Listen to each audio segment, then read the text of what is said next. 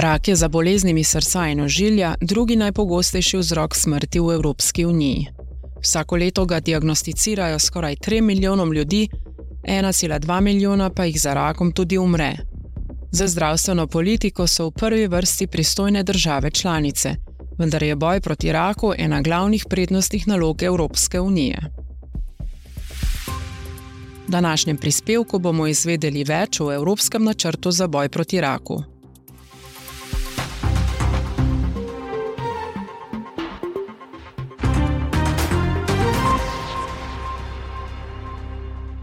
Za rakom lahko zboli vsak od nas, ne glede na starost, spol ali družbeni položaj, evropski zdravstveni sistemi pa so zaradi te bolezni zelo obremenjeni. Z rakom se slej kot prej srečamo vsi, saj vsi poznamo koga, ki je za rakom zbolel ali zaradi njega celo umrl. Po razlagi Svetovne zdravstvene organizacije je rak splošni izraz za veliko skupino bolezni, ki lahko prizadenejo katerikoli del telesa. Ena od njegovih značilnosti je hiter razvoj nenormalnih celic, ki se prekomerno razrastejo ter lahko napadejo sosednje dele telesa in se razširijo še na druge organe. V Evropski uniji raka vsako leto diagnosticirajo skoraj 3 milijonom ljudi, 1,2 milijona pa jih za rakom tudi umre. Pandemija COVID-19 je imela hude posledice za oskrbo bolnikov z rakom saj preprečevanje, diagnosticiranje, zdravljenje in dostop do zdravil niso mogli nemoteno potekati. Negativno je vplivala tudi na raziskave raka, saj so se klinična preskušanja zavlekla. Po podatkih Evropske organizacije za boj proti raku je bilo v času pandemije v Evropi odpovedanih 100 milijonov presejalnih testov, nediagnosticiranih pa naj bi bilo približno milijon primerov raka.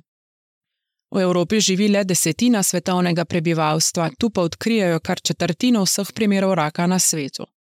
Sprejeti moramo drastične ukrepe, sicer se bo število smrti zaradi raka v Evropi do leta 2035 povečalo za skoraj četrtino, ta bolezen pa bo postala glavni vzrok smrti v Evropski uniji.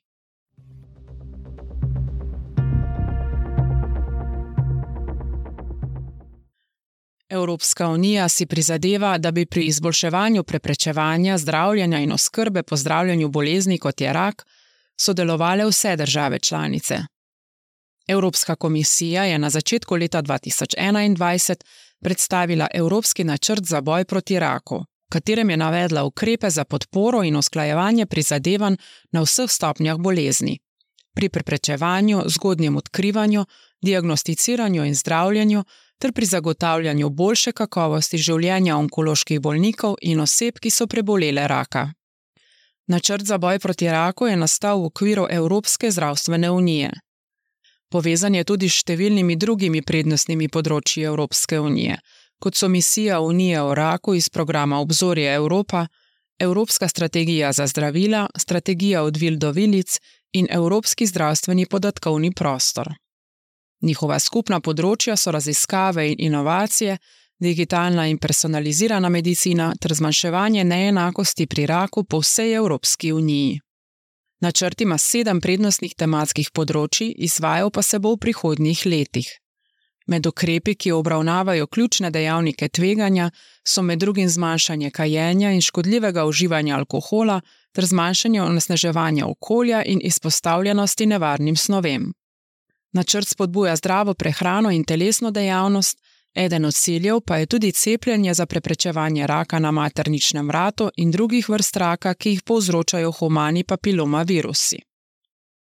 Evropska komisija bo ustanovila skupino za izvajanje Evropskega načrta za boj proti raku, ki bo tesno sodelovala z Evropskim parlamentom, državami članicami in drugimi deležniki.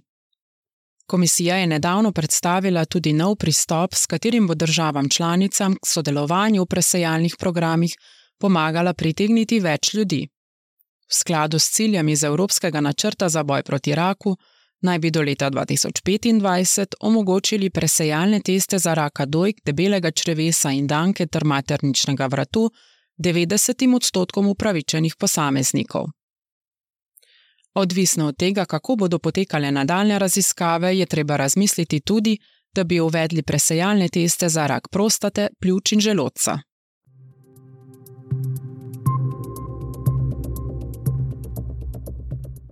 Evropski parlament je septembra 2020 ustanovil posebni odbor za boj proti raku. Njegov glavni cilj je bil pregledati ukrepe, s katerimi se Evropska unija bori proti tej bolezni, ter predlagati izboljšave. Evropski poslanci so končno poročilo odbora sprejeli leto in pol potem. Predlagali so izboljšanje ukrepov unije v zvezi z dejavniki tveganja, kot sta uživanje alkohola in tobaka, ter priporočili naj se razširi obseg presejalnih testov, za raziskave pa nameni več sredstev. Boj proti raku je ena od najpomembnejših prednostnih nalog Evropske znanstvene unije. Strožji ukrepi na področju zdravstvenih politik bi prispevali k boljši zaščiti državljanov in jim omogočili dostop do inovativnih možnosti zdravljenja po vsej uniji.